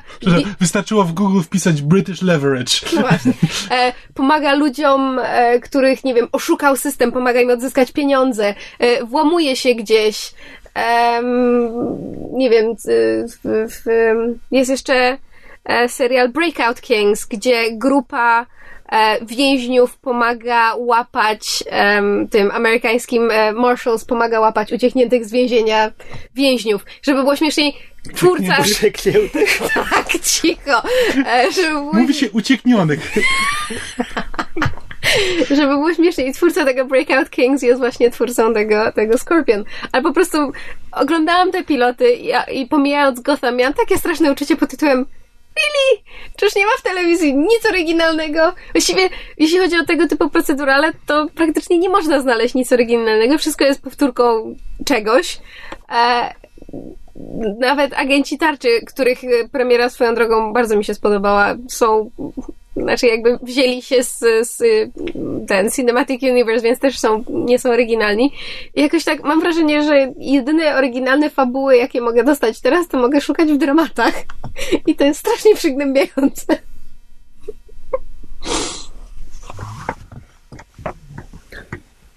Nie, no, mam wrażenie, że jakichś lepszych seriali jest trochę, ale... Nie, to, to nie chodzi o to, czy są, czy są dobre, czy złe. Chodzi raczej o to, że Czy, czy są, są- oryginalne? Czy są oryginalne, ewentualnie jeżeli są wtórne, to czy potrafią to, to sprzedać tak, żebym ja zrobiła hmm, to fajne, albo wow, to ciekawe. I jakoś tak... No, z tego, co czytam w internecie, są takie rzeczy, ale ja oglądam mało seriali, więc ich nie znam. No właśnie, może w tych e, 30 pilotach, które na mnie jeszcze czekają, będę, będę coś takiego miała. Jest parę, w, e, bo to są, to są jakby z zeszłego sezonu, to są z lata. A teraz Forever i Gotham i właśnie Scorpion to są już seriale z tej jesieni. No tak. Em, I w, tej, w tym roku wygląda na to, że na jesieni wyjdzie 20 seriali, które mogłyby mnie zainteresować, z czego 10 to, to jest, tylko 10 jest w takiej ścisłej czołówce. I w tym jest i Flash, który dopiero wyjdzie, i Konstantin, który wyjdzie, i How to Get Away with Murder, który wychodzi chyba dzisiaj albo jutro. Więc jakoś por- mam wrażenie, że w porównaniu z zeszłym rokiem o wiele mniej jest tych seriali, ale sporo wyjdzie w, w mid-season, czyli dopiero jakby na zimę nadchodzącego roku. Ale koniec Dobra. myszy dywagacji, przejdźmy do Gotham. Skoro, no właśnie nie wiem, skoro o tym wspomniałeś, to może coś krótko o tych agentach tarczy. W sumie z To może chęcią. zostawmy Gotham jako wisienkę na torcie na sam Dobra. koniec, a pomówimy o początkach nowych sezonów seriali. No to ja obejrzałam tylko agentów tarczy, więc Ja też. więcej się nie mogę wypowiedzieć. Blacklist, Aha, to- Blacklist jeszcze czeka na obejrzenie. A, jeszcze nie widziałeś Blacklisty. Ja tylko może szybko opowiem o tym, bo to są seriale, które tylko ja oglądam. E, mianowicie Person of Interest na przykład, które kompletnie, znaczy, które zrobiło taki reboot mały. Znaczy, zmieniło sytuację na tyle, że jakby troszkę, troszkę przemieszali postaci, relacje między postaciami i zaczynają jakby trochę od zera. Ale może być, może być bardzo ciekawie, jakby te wątki AI stają się coraz bardziej wyraźne i coraz większą rolę e, grają. E, I to wciąż jest, no to jest właśnie, to jest procedural, ale, ale wciąż mnie fascynuje, jak, jak pisany jest ten serial. Znaczy, jaką wiedzę muszą mieć ci scenarzyści, żeby niektóre wątki e, prowadzić w taki sposób, jaki prowadzą. Znaczy, no, to nie wiem, no, muszą, jednak się znać trochę na technice, na sci-fi, na, e, na różnych teoriach właśnie e, technologii i tego, co w przyszłości może być dostępne i tak dalej, i tak dalej, bo są tam naprawdę interesujące interesujące zagrania, interesujące pomysły i to takie, które jakby nie są kliszami z, z science fiction, z typowych, typowych, tylko jakby coś, czego ja jakby dotąd nie widziałem. Co jakby mm, no nie wiem, muszę bardzo uważnie czytać Wired albo coś w tym stylu. Albo opracowania naukowe. Niektórzy ludzie robią to dla przyjemności. No być może. Spoczyńcy. E, The Good Wife. Good Wife to The Good Wife to wciąż jest e, doskonały serial. E, ale tak zaczęło jakoś nie wiem, takim e, znaczy takim bardzo typowym dla siebie zagraniem. Bywały takie odcinki The Good Wife, po których ja stwierdziłem wow, ale to było fajne. To było wciąż bardzo dobre, ale jakoś nie, nie, nie przełomowe. A Sleepy Hollow? Ktoś widział? Nie, nie już miałam poszło? czasu. Tak. Znaczy ja wciąż nie wiem, czy będę oglądał ten sezon. Nie miałam czasu. Sleepy Hollow jak Sleepy Hollow. Znaczy, kontynuują to, co, to, co robili przez cały pierwszy sezon i nie widzą powodu, żeby, mie- żeby przestać. Więc, No to, no to żeś ich podsumował? Znaczy, to jest, No chyba tak, no no nie, nie wiesz, pokazują nic nowego, no jest po prostu... No to czy jak- jest sens o tym mówić? Że jak nie robią nic nowego?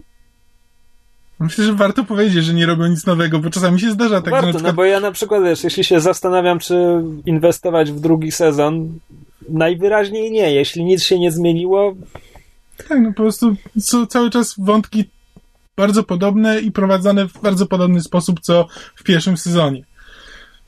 Znaczy nie, może ja po prostu wychodzę z założenia, że jeżeli serial leci drugi sezon i nic się o nim nie mówi, to znaczy, że they're continuing it. Że wszystkie wątki jakby, znaczy, że nic się nie zmienia, wszystko pozostaje tak samo. Ale to wszystko, co chciałem powiedzieć. Dobrze, to możemy przejść do agentów tarczy. Agenci Tarczy, jak już wielokrotnie mówiliśmy, my i trzy czwarte internetu, miało rozczarowujący pierwszy sezon, który w ostatniej ćwiartce zaczął się poprawiać. A chyba to kontynuują, bo zaczęli tak całkiem, całkiem ładnym uderzeniem. Znaczy fabuły dużo tu nie ma, ale Mm. była przyjemna akcja, no i pokazują, pokazali, gdzie są teraz nasi bohaterowie. Tak, poza tym po raz pierwszy od dłuższego czasu, znaczy przynajmniej jakby porównując właśnie z pierwszymi trzy, trzema czwartymi e, pierwszego sezonu jakby się pojawia rzeczywiście ktoś z interesującymi mocami, które wykorzystuje sensownie i w sposób, który jest zagrożeniem dla bohaterów. Oczywiście szeregowi żołnierze zostają kompletnie ogłupieni w scenie ucieczki z więzienia, ale E, Hej. to tylko statyści. Tak. Ale tak, jest jakby, no bo momentami ten serial zapominał, że w tym świecie są superbohaterowie, albo po prostu traktował to tak na zasadzie właśnie takich McGuffinów, że po prostu tutaj też jakby w tym, w tym odcinku jest jeden wielki McGuffin. Tak, głównym, głównym przeciwnikiem jest Crusher Krill, znany jako Absorbing Man, um, który został bardzo fajnie pokazany w tym filmie. A to nie jest jego debiut e, live action, bo jego moce otrzymał Nick Nolte w Hulku Angali. Wow, już zupełnie nie pamiętam tego filmu, nawet zapomniałem, że grał w nim Nick Nolte. Bo Był ojcem Bruce'a Bannera. O czym komiksowy Absorbing Man nigdy nie był. No tak. I właściwie nie wiem, co jeszcze można powiedzieć o tym pilocie. Spoilerowo mówimy? Możemy? Powiedzmy Dobra, dwa to słowa. przechodzimy, przechodzimy teraz spoilerowo o agentach tarczy. Że wątek e, e, Fica. E, tak, na początku, na początku tak e, oglądałem te relacje Fica i Siemens i tak stwierdziłem, że to jest fajny patent, bo oni teraz autentycznie kończą swoje zdania. I to jest taka, taki po prostu taki słodko-gorzki sposób. Po czym, a nie, jednak tylko gorzki.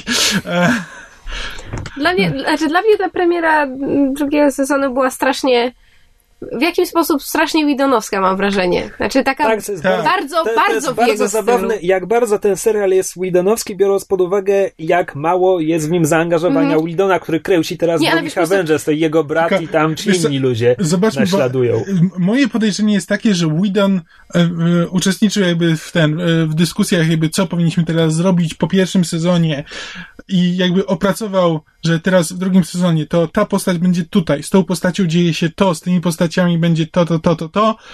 Dobra, to teraz wy się tym zajmijcie, ja idę pracować nad Avengers 2 i zobaczymy, co dalej, co dalej będą z, z Tak, tym ale, zrobią. ale mówicie, że to jest bardzo Whedonowski. I tak, to, to był bardzo Whedonowski odcinek, do tego stopnia, że to y, ta odkrycie kart, co, co naprawdę się dzieje z Ficem, e, to ja to już widziałem w innych serialach Whedona. Tak, tak.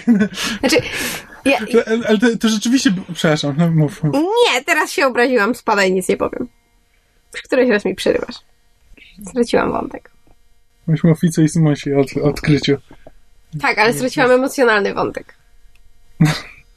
Dobrze.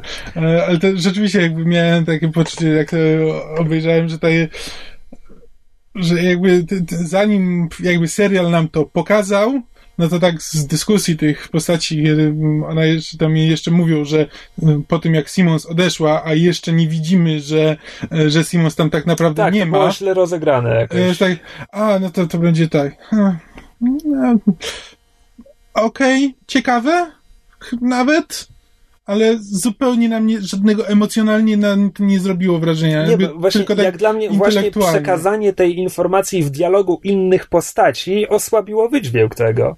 To było tak jakby, aha, czyli jej tam nie ma. Aha. No a potem widzimy, że on Tak. faktycznie rozmawia sam ze sobą. To było Jesteście jakby, cynikami bez serca. No nie, po prostu chodzi mi o to, że zostałem uprzedzony o tej inform... o tym, tak? No ale Tak, że jakby zanim mi to pokazali, zanim to mogło we mnie uderzyć, to ja to No nie, przetworzyłem bo ja- sobie e, e, intelektualnie, że No nie, okej, jej nie ma, to, to można znaczy, że zinterpretować, aha, że ona odeszła przed chwilą, w sensie, że te, to, co widzieliśmy do tej nie, pory bo w tam odcinku... oni dokładnie mówią. ale oni Nie. patrzą na nie. Oni patrzą No, przez szybę na, na Przez pizza. ekran, tak, ale to, bo, bo ja to. W... Może tak, dla, na mnie to zrobiło wrażenie, dlatego że ja to zinterpretowałam, że to, co widzieliśmy przez cały odcinek, to Siemens tam była, przy Fitzu.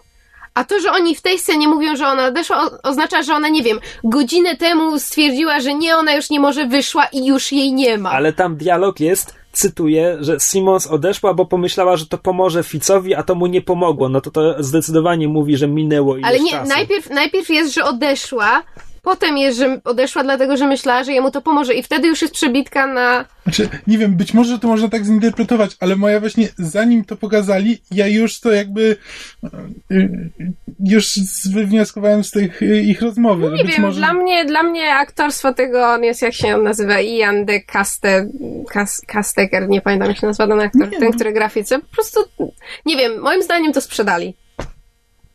No to... Ten. No to tobie to sprzedali. A co, coś się zmienił ten aktor na twarzy między sezonami. Nie wiem, przytył schód, coś się stało. Przytył jakoś. Ale żeby był śmieszniej, odcinek był tym bardziej widionowski, że mm, pojawił nam się nowy główny zły, którego gra, um, on się nazywa chyba Reed Diamond? Reed Diamond? Tak. Który w dodatku... Z Dollhouse'a i teraz gra jeszcze Franklin and Bash w tym serialu. Swoją drogą bardzo mi się podobały sceny z agentem Wardem i Sky. To było jakoś... Znaczy, fajnie moim zdaniem rozegrali tę postać. Nie spodziewałam się tego, a, poza tym bardzo fajnie... Też nie pamiętam jak się ten aktor nazywa. Um, fajnie zagrał to, to, te, te, tę scenę. Tak, tylko że tę scenę mi znowu obrzydziło tym, że ten, bo tam jest, że wiesz, ona się od niego odwraca i nie słyszy, że on chciał jej powiedzieć o jej ojcu. Tylko, że przed chwilą widzimy, jak cała reszta obsady serialu go ogląda przez kamery i słyszy rozmowę, więc oni wiedzą, że on wie o ojcu, a przynajmniej powinni wiedzieć, ale scena jest tak skonstruowana, jakby wiesz, nikt tego nie usłyszał, bo, bo przyciemnili szybkę. Czy nie, bo ja mam wrażenie, że ona przyciemniła szybkę i włączyła soundproofing jednocześnie i ja zrozumiałam, że ten soundproofing jakby przerywa też feed To- audio z kamery. To z kolei głupie, jeśli facet podję, podjął kilka prób samobójczych po drodze. Myślę, że mm, widzą i słyszą go w celi. No w każdym razie zobaczymy, co z tym będzie dalej. Mi się bardzo podobało. Ja bardzo przeżyłam ten, ten, ten. Znaczy, dobrze się bawiłam i przeżyłam, bo, po, połączyłam się po przerwie z powrotem emocjonalnie z serialem, co moim zdaniem jest bardzo ważne, bo bardzo często serial wraca jest takie, no fajnie wrócił, co z tego? Znaczy tak, e, podobała mi się akcja w tym odcinku, a było jej dużo z uwagi na Absorbing Mana. Podobał mi się Absorbing Man, to jak był pokazany jego moce. Charakteru to on nie ma, ale nie wymagamy od tego, w komiksach też go nie ma. A, I podobał mi się podwójny blef z Lucy Lawless, gdzie, o już po niej, a nie, przeżyje, o już po niej. No, chyba, że jednak przeżyje. Ja podejrzewam, że może jeszcze przeżyć. No to w końcu Lucy Lawless tak na jeden Może tam, nie wzięli może mimo, chyba. że odcięli jej łapkę, to tam moc ją Znaczy- jakoś... Produ- producenci mówią, że właśnie na tym polegała zmyłka, żeby widzowie po- pomyśleli, aha, to Lucy Lawless, ona tu jest na Aha. dłużej. Ale to może być z, z kolei zmyłka w wywiadzie. No. To jest tak Blef w Widonowskie, blefie. kurwa, finta w fincie i to jest już takie... Mam wrażenie, że oglądanie serialu Widona to jest takie właśnie właśnie próba przechytrzenia, że to jest na zasadzie, że Widon sobie myśli, okej, spodziewasz widzowie, tego, ty- widzowie się spodziewają tego, więc ja zrobię to, ale widzowie już moi spodziewają się, że ja zrobię inaczej, więc zrobię tak, jakby się spodziewali widzowie nie moi. Jest... No dobra, i żeby jakoś to wszystko spuentować, więc właśnie widzę w agentach tarczy, zwłaszcza w tym odcinku, te wszystkie Widonowskie chwyty, a nie czuję tego Widonowskiego serca, które w jego najlepszych No bo- serialach było. No bo to... No bo on tam pewnie już jest- nie ma wiele jest, do wiesz, roboty. Bo to, bo to nie jest serial Widonowski, to jest, wiesz, to jak są Hej, te serie... Jet Widon to też Widon. Ale nie, to są, wiesz, jak są to na przykład, wiesz, serie literackie, co ludzie potrafią się naciąć, że wiesz, wielkimi literami jest na przykład Andrzej Sapkowski, a pod spodem jest napisane poleca. I to jest dokładnie to samo. Tutaj jest Joss Whedon poleca. Albo zajrzeli do taki. Widon z demobilu. Nie no, nie przesadzajmy, nie z demobilu. Jeździ, no. Nawet ładnie wygląda. E, w każdym razie agenci tarczy wrócili, wrócili? Wróżyli. Wróżyli. Wrócili i trzymają poziom e, końcówki poprzedniego sezonu, więc jest spoko. Daje radę. Teraz tylko mam nadzieję, że to nie będzie tak, że będą 3 czwarte sezonu o niczym, a potem serial zareaguje na Avengers 2.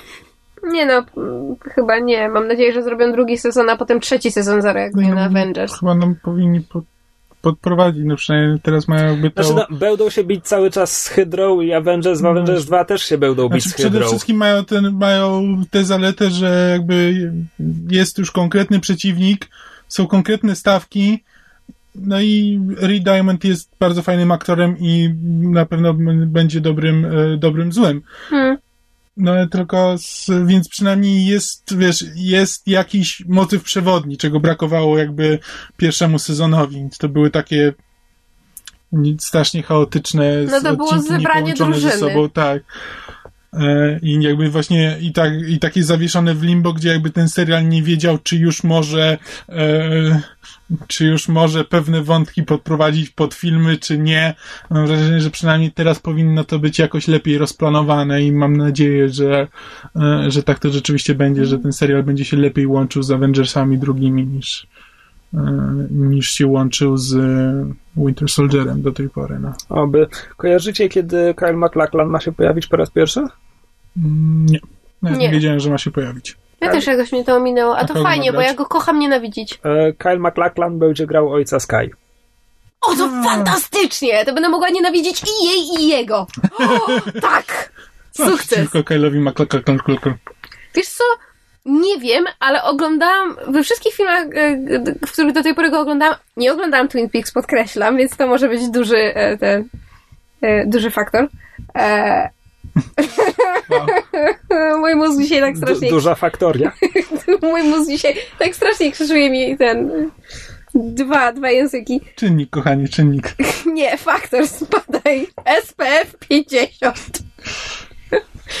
um, widziałam go do tej pory w jakichś takich filmach, w których zawsze grał jakichś takich totalnie ślizgłych dupków i nie powiem, największy wpływ miał na to film Showgirls, który Kamil widział. Jest absolutnie fatalny film. Oglądałeś ze oglądałeś ze mną Showgirls? Oglądałeś Nie ze mną widziałem Showgirls. Showgirls. Widziałeś ze mną Showgirls. Nie, nie, nie wiem, z kim widziałeś Showgirls. Nie wiem, z kim, Ze mną. z kim ty oglądasz takie filmy. Ze mną widziałeś Showgirls. Nie, nie Tak. widziałem nigdy Showgirls. Tak. Tak. Dobra, to jest fascynujące, ale może już, może już starczy. Ja Kyla McLachlana znam głównie z okładki Duny. A, autentycznie, po prostu miałem kiedyś Dune, do której nie mogłem się zabrać. Miałem po prostu film Dune, nie pamiętam, dostałem od kogoś albo nie wiem, gdzieś była i po prostu miałem tą okładkę gdzieś na wierzchu szafy i zawsze jak zaglądałem do szafy, miałem okładkę i miałem nazwisko Kyle McLachlan, które uważałem, że jest bardzo śmieszne Bo jest I- bardzo śmieszne. i tylko i wyłącznie stąd znam tego aktora. Mnie jakoś tak od miesiąca nosi, żeby sobie zrobić powtórkę z Duny Lyncha, ale nie mogę się zebrać. No dobra, e, Gotham, które najwyraźniej wyrasta na premierę tygodnia. Tak. Ja na, fej- na Facebooku napisałem i powtórzę to tutaj, że po obejrzeniu tego serialu aż mi bolały żebra od tego, jak ten serial mnie szturcha na zasadzie mm, mm, kojarzysz? A ty postać pamiętasz? Mm, mm, no, a to? Batman! Batman! No Batman! Ja się, ja, ja się z Kamilem nie kłócę, ale dla mnie to było o wiele bardziej jakoś, nie wiem, To sympatycznie znaczy, to odebrałam. e, Znaczy, ja to odebrałem bardzo sympatycznie, tylko po prostu... e, Z jednej, z jednej strony masz rację, z drugiej strony mam wrażenie, że to by tak nie, nie, nie kuło w żebra, e, gdyby nie to, że odrobinę przesadzili. Bo jakby Pingwin ma sens w tym scenariuszu, ma swoją rolę w tym odcinku. Riddler jest tam na 30 sekund i też działa jako ten policyjny ekspert. To jest bardzo fajny pomysł na niego. I oni coś tam robią i działają w tym świecie. Catwoman to jest fajny pomysł, że ona była świadkiem morderstwa Wayne'ów, Mm. Tylko że potem wciskają ją, to jeszcze tutaj wychynie z zakomina, to jeszcze tutaj wskoczy na murek Tak, i to nic tak. nie robi przez resztę odcinka, po prostu tam skacze i zatruwa koty. Mleko, ten, kotom nie daje się mleka, bo żygają. E, I po prostu, no nie wiadomo po co to jest. Tak samo jak nie mam pojęcia, czemu oglądamy ośmioletnią Poison Ivy. Jakby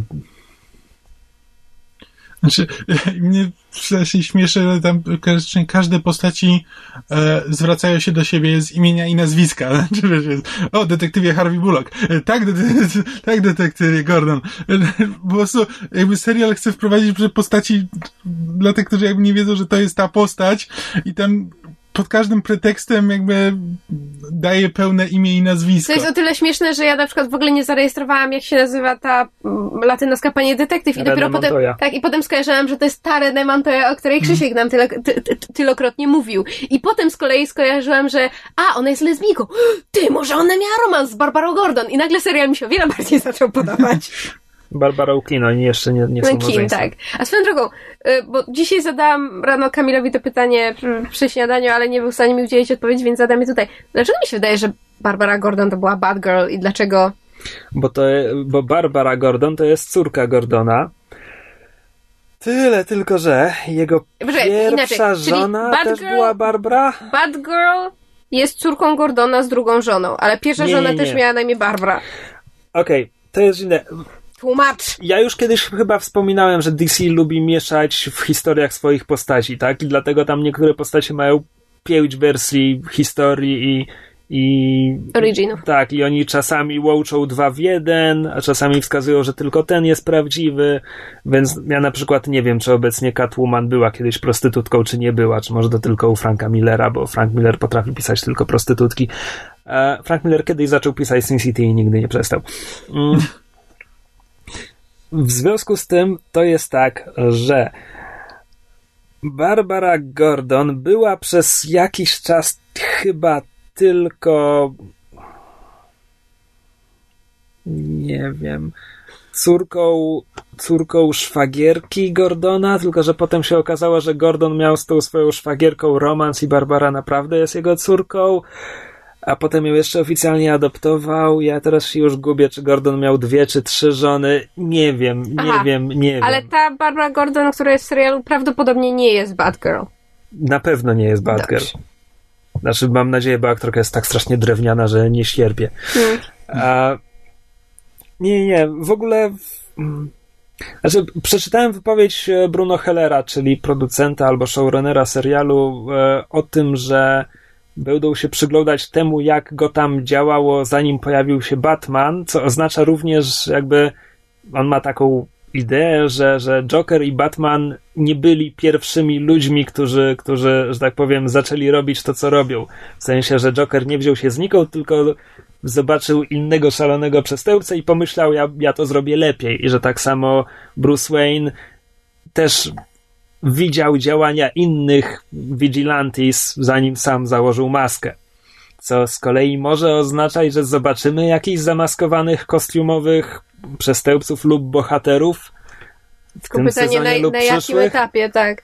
A z kolei słyszałeś tę teorię, bo jest teoria, nie wiem na ile ona jest e, prawdziwa, czy twórcy się wypowiedzieli, że ten em, stand-up komik, który jest em, tam, e, pokazuje swój sketch przed e, Fish Mooney, że to jest Joker. Mm, to znaczy, po pierwsze to za proste, po drugie już przeczytałem w internecie, że pomysł jest taki, żeby przedstawić parę postaci, co do których będzie takie oczywiste A, skojarzenie, okej, że okej. o, to mógłby być Joker No to i, że, i że twórcy będą się tak bawić. Mam nadzieję, że to prawda. No to w sumie fajny pomysł, bardzo mi się podoba. A Zresztą w ogóle to już pisałem a, komentarzach u zwierza na blogu, to wątpię, żeby ktoś ze słuchaczy to przeczytał, e, ale że o ile właśnie Catwoman, Riddler, Pingwin, oni wszyscy mogą działać w tym świecie, który oglądamy, na Jokera kompletnie nie ma miejsca bez Batmana. Jakby w znakomitej większości interpretacji Joker robi to, co robi przez Batmana. Więc w świecie bez Batmana Mm. można, no obiektem obsesji Jokera mógłby być Gordon, ale to nie będzie to samo. Wiesz co, jeśli skończy się tak jak przy Smallville, to znaczy, że ten serial będzie miał 10 sezonów, to w 10 sezonie Bruce będzie miał już 20 parę lat. E, Też Więc- prawda, tak. Swoją mogą drogą się jakoś- znaczy, nie, wiem, nie wiem w jak dużym Znaczy, Bruno stopniu... Heller kiedy indziej mówił, że ostatnia scena Gotham to będzie jak Bruce zakłada kostium. Mhm. Więc nie wiem na ile lat on ma to rozplanowane. No ale wiesz, Smallville też tak, też tak nie wiem, mówili, też zanim tam w ogóle No, też ostatnia scena Smallville to jak już leci w kostiumie po raz pierwszy i No ostatni. tak, tylko że najpierw pojawia się Supergirl w kostiumie e, i najpierw wiesz, wszyscy już tam mają kostium. Jest, Tylko nie on. Tak, jest i Flash, jest i e, Green Arrow i jakby jest cała masa i po jednej i po drugiej stronie zamaskowanych. Ale, ale nie przypominaj, bo ja nigdy nie widziałem odcinka Smallville, a i tak kostium Hawkmana mnie prześladuje po nocach. Nie pamiętam On Hawkmana. miał takie chyba nie, tekturowe chyba nie skrzydełka. dotarłem do Hawkmana. E, Ja się zastanawiam, bo nie czytałam wszystkich materiałów na temat jakby serialu, nie, nie, nie pilnowałam wszystkich newsów i wypowiedzi twórców, ale nie wiem, e, no bo serial ma być jednak o, o, o Jamesie Gordonie, a młody, prawda, Bruce Wayne ma się tam gdzieś przewijać w tle jako ten tam, powiedzmy, motywator. czy Znaczy, ja tam... bardzo liczę, że on nie będzie się pojawiał w każdym odcinku. Właśnie się zastanawiam, bo... Raz, że trudna rola, dwa, że aktor. No e, właśnie chciałam do tego nawiązać, że ten aktor miał takie momenty, kiedy stwierdzałam, eh, okej, jak na dzieciaka spoko, a potem było takie, u, nie. Znaczy, scena morderstwa była tragiczna, jakby dla mnie tam kompletnie. Znaczy, okej, nie wiem jak Ładnie powinien krzyczał, zareagować dziesięciolatek, gdy mordujesz mu rodziców, Ale trochę inaczej. ale miałem wrażenie, że to nie było to. No, ale nie, muszę powiedzieć, że byłam bardzo zdziwiona tym, y, bo mm, jakoś odglądałam go tam z, z ogromną przyjemnością i właśnie te wszystkie szturchania w żebra to wywoływały u mnie bardzo, bardzo duży uśmiech, ale jakoś nie nawiązałam, estetycznie mi się podobało, y, jakby bardzo... Estetycznie bardzo fajnie to go tam To, wygląda. to, takie... to jak wizualnie robią te takie, takie um, sweeping, ujęcia kamery właśnie przez Gotham, strasznie mi się to podobało i z czymś mi się to kojarzy i nie wiem z czym. Ma, Wiesz trochę co? z Nolanowskim Batmanem. Nolan, zwłaszcza w Batman Begins podobnie pokazywał. Tak, właśnie. I bardzo mi się to spodobało Batman zakładam, Begins- że to świadome. Nie, nie wiem, czy to przez ten brązowy filtr, bo Batman Begins jest na brązowo, Mhm. e, ale tam to Gotham jest autentycznie brudne. Tak. I to jest I tutaj też autentycznie to widać. dżungla i to jest coś, z czego Nolan zrezygnował w drugim i trzecim Batmanie Tak, swoim. on jakoś. To, to miasto mu się zupełnie rozmyło jako Znaczy, bohater. e, w trzecim filmie on w ogóle przestał udawać, że, że to nie jest Nowy Jork. W sensie Tak. widać piątą aleję i tak dalej. E, ale ten, e, więc w- fajnie Gotham wygląda fajnie Znaczy, jak wizualnie. mówię, jak, jak w, w trzecim tam cała masa scen była kręcona bodajże tam w Bostonie albo w Chicago, czy W Chicago jakieś chyba. No nieważne, no ale to już nie wygląda jak to fajne, klimatyczne Gotham, które było w Ale to Batman Begins. to- z tym się zgadzam. Pod, fajne- Podoba mi się też takie odrealnienie tej rzeczywistości serialowej na zasadzie okej, ludzie mają e, telefony komórkowe, ale tak, tak poza tym to chyba są lata 70. Ale tak, to, to jest bardzo fajne, o tym, o tym akurat czytałam wywiad, że właśnie twórcy nie chcieli tego umiejscowić w żadnym konkretnym czasie, że to jest z jednej strony takie właśnie estetyka troszeczkę lat właśnie powiedzmy 60., To nawet jest- jeszcze wcześniej, a z drugiej strony to jest współczesność. To, to bardzo jest mi się to przecież podobało. coś, czym, czym Barton się w swoim Batmanie też bawił. Że tam ludzie biegają w kapeluszach i tak dalej, jak z lat 20., ale Batman ma komputer w Batjaskini. No.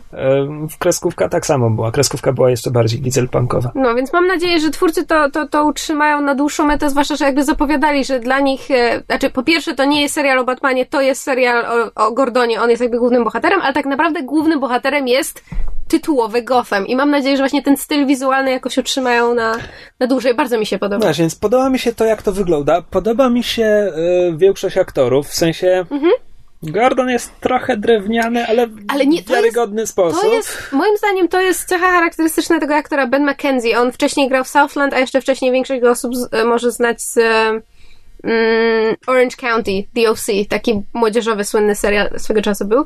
I on ma takie momenty, że patrzę na niego, znaczy w, w, mówię o pilocie Gotham w tym momencie, były takie momenty, kiedy grał dokładnie tak, jakbym chciała, żeby jakby grał Jamesa Gordona, Znaczy, a były takie momenty, kiedy patrzyłam i takie Czegoś ci zabrakło. Powiedziałem, że jest trochę drewniany, a to nie do końca to. On ma taką dość ograniczoną mimikę. Tak, tak, ale, ka- ale, kamienną.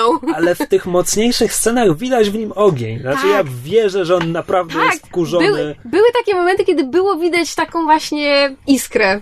W ogóle e, wprowadzenie postaci jest bardzo. Znaczy, w- wprowadzenie postaci jest banalne i kliszowate, że ojej, ktoś wziął zakładnika na komisariacie, więc nasz bohaterski glina e, dam pozbawi go przy, przytomności.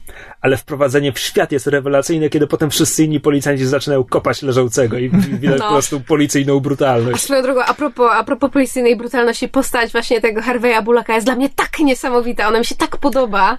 Przedobrzyli trochę z tym, że on tam, wiesz, całuski z Fish Mooney, jakby. Okej, tam, wiesz, szara takie- postać, ten, ale naprawdę? Ale, ale po prostu bardzo mi się podoba, jak jest grana. Ja strasznie lubię tego aktora. On się nazywa Donald Logue i on grał w e, ten serialu o bardzo krótkim żywocie pod tytułem Terriers. I po prostu ma, on ma bardzo fajną fizjonomię i właśnie fajnie gra mimiką. Ja go strasznie lubię i bardzo się cieszę, że gra w tym serialu. Mi te, mi te całuski z Fish Money, ja bardziej tak to odebrałem, że to jest, że to jest Fish Money, że ma po prostu taki styl, że no, zjednuje sobie, że wiesz, że nie, nie, chce, nie chce antagonizować, tylko że to jest na zasadzie, dopóki mi nic nie robisz, jesteśmy najlepszymi przyjaciółmi, że to jest na takie, to jest takie bardzo hollywoodzkie, bardzo wyobudowane, o, mój najlepszy, najlepszy przyjaciel na całym świecie, mła, mła, mła, jak się masz, czy mogę ci dać coś do picia, i to jest wiesz, po prostu taka, taka dwulicowość na zasadzie bardziej z jej strony, a po prostu Bullock jest osobą, której to nie przeszkadza absolutnie. No wiesz, Może- piękna Podoba- kobieta go całuje, no na co ma narzekać. Pod, podoba mi się, jak bardzo przerysowani są bohaterowie tego serialu. I to prawie wszyscy. Tak. Tak, A żeby było śmiesznie, ja mam, ja, mam, ja miałam bardzo duże wątpliwości co do obsadzenia Jady Pinkett Smith, bo ja za nią nie przepadam i uważam, że aktorsko ona nie jest dobra.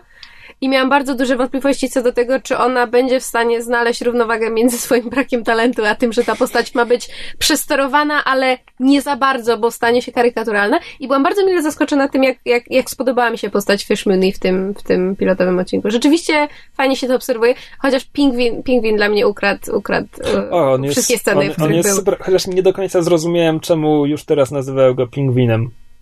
A poza tym to też jest taka klisza, że Po twarzy, on no. teraz nie, nie, lubi, nie lubi tej ksywy, a potem ją przyjmie jako swoją. Ale nie, nie bo e, tak sobie pomyślałem, bo w, w Fish Mooney mu, mu robi krzywdę i on potem kuleje przez resztę odcinka i tak sobie pomyślałem, okej, jak tak chodzi, to widzę, czemu mogą go przezywać pingwinem. Tylko tak jakby pospieszyli się z tym trochę. Hmm. Co to Al, Alfred, jest, po prostu- ja mam wrażenie, że w każdej adaptacji, w każdej kolejnej adaptacji, Alfred staje się coraz bardziej koknejowskim Londyńczykiem. Bo najpierw Michael Caine, w Beware the Batman mamy łysego, też łysego takiego e, żołnierza. Teraz właśnie, te, teraz ten, jak on się nazywa, Sean Pertwee. Och, ja go ubóstwiam. Ja po prostu się spodziewałem, w, w Batmanie i Supermanie tego powinien grać Jason Statham, a nie... A, no tak, logika sugeruje taki, tak. tak. O, poszłabym na ten film. Tak bardzo bym poszła na ten film. E, nie, ale ja muszę powiedzieć, że byłam w ciężkim szoku, bo e, w ogóle zaczęłam o tym mówić, jak żeśmy zboczyliśmy na temat e, estetyki strony wizualnej. E, bo jakby oglądałam serial, wszystko fajnie, estetyka ten, e, jakoś nie czułam żadnego emocjonalnego związku z bohaterami. E, zabili Wayne'ów, biedny mały Bruce Wayne płacze, James Gordon go pociesza, bohater i tak dalej. I w ogóle mnie to nie ruszało, a potem pojawił się Alfred i powiedział tylko jedno słowo i ja zrobiłam nie wiem, dlaczego mnie to tak strasznie ruszyło, ale strasznie się cieszę, że ten konkretny aktor gra Alfreda, bo Alfred to jest dla mnie bardzo ważna postać jakby w, w ogóle w Batmanowskim uniwersum, nawet jeżeli ten serial nie ma być o Batmanie i bardzo lubię tego e, aktora, on ma świetną charyzmę, bardzo lubię jego akcent, ma strasznie fajny sposób grania. Ja też go bardzo lubię, bardzo lubię ten akcent, tylko że tak uznaję, że trochę śmieszne, jak oni tam że ten, e, rozmawia z Gordonem i kończy tam co, co, no, no, no, no, no, mate. On wciąż jest kamerdynerem, no mimo wszystko, no ja rozumiem, że jest Londyńczykiem i Brytyjczykiem i że zasadniczo Nie, ale z tym się kojarzy Amerykan, dla Amerykanów każdy jest- Brytyjczyk kończy zdanie mate, jest- ale no to jest kamerdyner, to no, jest naprawdę nie biedy, powinien przecież tak mówić. potem, em, nie wiem, spoiler, potem jak jest scena, kiedy em, pa, panicz, panicz Wayne wszedł na dach, bo próbuje walczyć ze strachem i Alfred do niego, oj, złaź z tego dachu! tak. Myślałam, że spadnę z krzesła. No dobra, e, no tak. Jak już, jak już mówiłem, podoba mi się estetyka, podoba mi się znakomita większość castingu, obsady Chociaż w i sumie- tak dalej. Bardzo nie jestem przekonany do scenariusza. To znaczy, mm. nie, okej, okay, to jest pilot i on wprowadza w świat i nawet podoba mi się, jak bardzo jest upchnięty, bo tak naprawdę po tym pilocie jesteśmy już wprowadzeni w świat. Mm. Teraz już mogą rozwijać postaci, rozwijać wątki i tak dalej. Więc z tej strony jest ok, dialogi mi nie leżą i niektóre zagrania scenariuszowe. Scena, scena z Montoją i, i dziewczyną Gordona była straszna dla mnie, strasznie telenowe, telenowelowa, plus jeszcze aktorka grająca Barbara jest kiepska moim zdaniem, może się rozrusza jeszcze. Wiesz co, ta druga też jest taka... O, trochę. E, także ta scena mi się strasznie nie podobała. Dialogi trochę mi leżą. Znaczy, dialogi też mam wrażenie są tak jakby były stylizowane, tylko nie wiemy na co może, nie wiem, no może też próbują je stylizować, żeby były takie, wiesz, bezczasowe, ale i dlatego brzmią dziwnie. E, nie do końca podoba mi się ta rywalizacja w policji, bo nie rozumiem, znaczy, rozumiem czemu to służy. Służy to temu, żeby, no, żeby było więcej konfliktów, więc mamy tych dobrych gliniarzy Montoya i Alena, którzy są dobrzy i czyści, przynajmniej. Możemy mieć takie wrażenie? To no się właśnie, może no, zmienić? Właśnie nie, bo Bullock, Bullock o nich mówi, że ci z MCU pogardzają tymi zwykłymi policjantami i ja, ja to zrozumiałem tak, że to trochę dlatego, że ci z MCU są czyści i traktują całą resztę jako brudnych i skorumpowanych, czyli tak jak na to zasługują po obejrzeniu pilota by wynikało. Moje Czekaj, podejrzenie bo... jest takie, że po prostu będą powoli z, e, się zniżać do poziomu tych, które im pogardzają, że po prostu to będzie poprowadzane tak, że ci z MCU MCU będą coraz bardziej wciągani w ten światek to przestępczy. Znaczy, i... Wiesz co, no ja nie wiem ile ten serial chce czerpać z komiksów, ale w komiksach MCU to jest właśnie jednostka, którą nie wiem, albo stworzył Gordon, albo na pewno na pewno e, przearanżował, kiedy został jej szefem. E, I połowa tej obsady tego serialu to są właśnie policjanci z komiksowej jednostki specjalnej Gordona. Bullock, no to jest jego tam najwierniejszy pom pomagier później. E, Crispus Allen, René Montoya, oni są jakby osobiście wybrani przez Gordona do tej jednostki w komiksach, Aha. więc zastanawiam się, czy może właśnie serial będzie dążył do tego, że to Gordon będzie ich sobie zjednywał na mhm. drodze do odkupienia Gotham i tak dalej, zrobienia porządków. E, tylko, że to mi trochę przeszkadza, bo po pierwsze, jeśli oni są czyści, ale nie Montoya, no to już tutaj nam się rysuje taki sztuczny konflikt, gdzie oni teraz będą e, podejrzewać Gordona, bo Gordon będzie udawał skorumpowanego. E, I to jest jakby jeśli tak będzie, no to wiemy, jak to się skończy. On im w końcu udowodni, że jest czysty i wtedy wszyscy będą się lubić. To po pierwsze, a po drugie, jeśli oni będą rozpracowywać Gordona, to to jest coś, czym policji powinien się zajmować Wydział Wewnętrzny, a hmm. oni są od tych poważnych zbrodni. Nie wiem, na ile serial będzie próbował zachowywać jakikolwiek pozór realizmu. Umówmy się, właśnie rozmawialiśmy o Forever, gdzie przypadkowy człowiek pomaga policji rozwiązać przestępstwo. No ale zobaczymy. Nie, na razie jestem dobrej myśli. Jakby bałem się, tak. że mnie strasznie rozczaruje ten serial. Na razie jest ok i, i myślę, że mogę go lubić. Hmm. I może to będzie mój procedural pozbawiony ambicji w tym sezonie. Zapominasz jeszcze o Flashu. Ja nie, nie może. Ja liczę na to, że Flash będzie dla mnie czym dla was jest Arrow, bo jakoś do Arrowa nie mogę się... Znaczy, najpierw się do niego nie przekonałam, a teraz nie mogę się zmusić, żeby spróbować mu dać jeszcze jedną szansę. Więc liczę Jest na, to, że Netflixie zawsze. Flash mnie złapie. No, Wszystko. wiesz, na razie, na razie twardo oglądam Psych i bawię się przy nim strasznie dobrze. W ogóle nie wiem, dlaczego zrezygnowałam z tego serialu. Bardzo, bardzo się fajnie przy nim bawię. Bardzo sympatyczny. To co, to już chyba wszystko w tym tygodniu? No, prawie wszystko, poza teraz przyszedł czas na rozwiązanie konkursu. Tu, tu, dla przypomnienia chodziło o poddanie nam tematu, który nie byłby bezpośrednio związany z popkulturą. Kryteria wyboru były takie, że po prostu rozmawialiśmy o tym, który temat jakby ma najciekawsze konsekwencje dla rozmowy i o którym będzie nam się najprzyjemniej rozmawiało i pod tym kątem wybieraliśmy laureatów. A przyszło, przyszło całkiem sporo zgłoszeń i w sumie praktycznie w każdym, w każdym zgłoszeniu poza jednym, które nam się podobało, ale było ewidentnie robione dla żartów. W każdym zgłoszeniu były rzeczywiście interesujące tematy, które rzeczywiście rozważaliśmy jako, jako potencjalnych, e, jako potencjalnych zwycięzców, więc jakby gratulacje dla wszystkich, którzy zgłosili i bardzo Wam dziękujemy za aktywność. A teraz przejdziemy do wytypowania zwycięzcy. Tak. I zwycięzcą jest, y, już tylko znajdę. E, zwycięzcą jest temat pod tytułem Co sądzicie o dzieciństwie i latach szkolnych? Jak duży mają wpływ na życie dorosłego człowieka? I y, zwyciężyła nasza słuchaczka Judyta B. Zwyciężyła? Wow! Coś mi się w mózgu przestawiało. E, zwyciężyła nasza słuchaczka Judyta B, nazwisko znane redakcji. E, gratulujemy i dziękujemy za nadesłanie zwycięskiego e, tematu i dziękujemy wszystkim innym słuchaczom, którzy również wzięli udział w konkursie i przesłali e, swoje tematy. E, tak jak Kamil już wcześniej e, mówił, kiedy żeśmy zapowiadali konkurs, bardzo możliwe, że część z waszych tematów nadesłanych wykorzystamy przy innej okazji, ale to się jeszcze zobaczy. A e, ten temat będziecie mogli em, usłyszeć W jakimś nieokreślonym, najbliższym czasie postaramy się, żeby to było raczej bliższym niż dalszy. dalszym.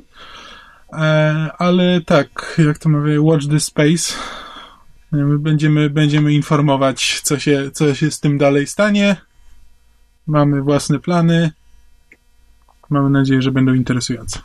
A nagroda pójdzie do zwyciężczyni, jak tylko ją kupimy, a potem wyślemy.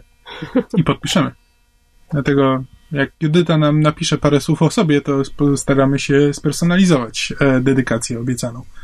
No, Dziękujemy wszystkim jeszcze raz. I to tyle w tym tygodniu. Do usłyszenia za tydzień. Bye! Pa, pa! Na razie. Słuchaliście podcastu Myszmasz. Możecie nas znaleźć na myszmasz.pl lub polubić nasz fanpage na Facebooku. Możecie nam także wysłać maila na myszmaszpodcast.gmail.com Jeśli do nas napiszecie, będziemy szczęśliwi jak baranek na spadochronie.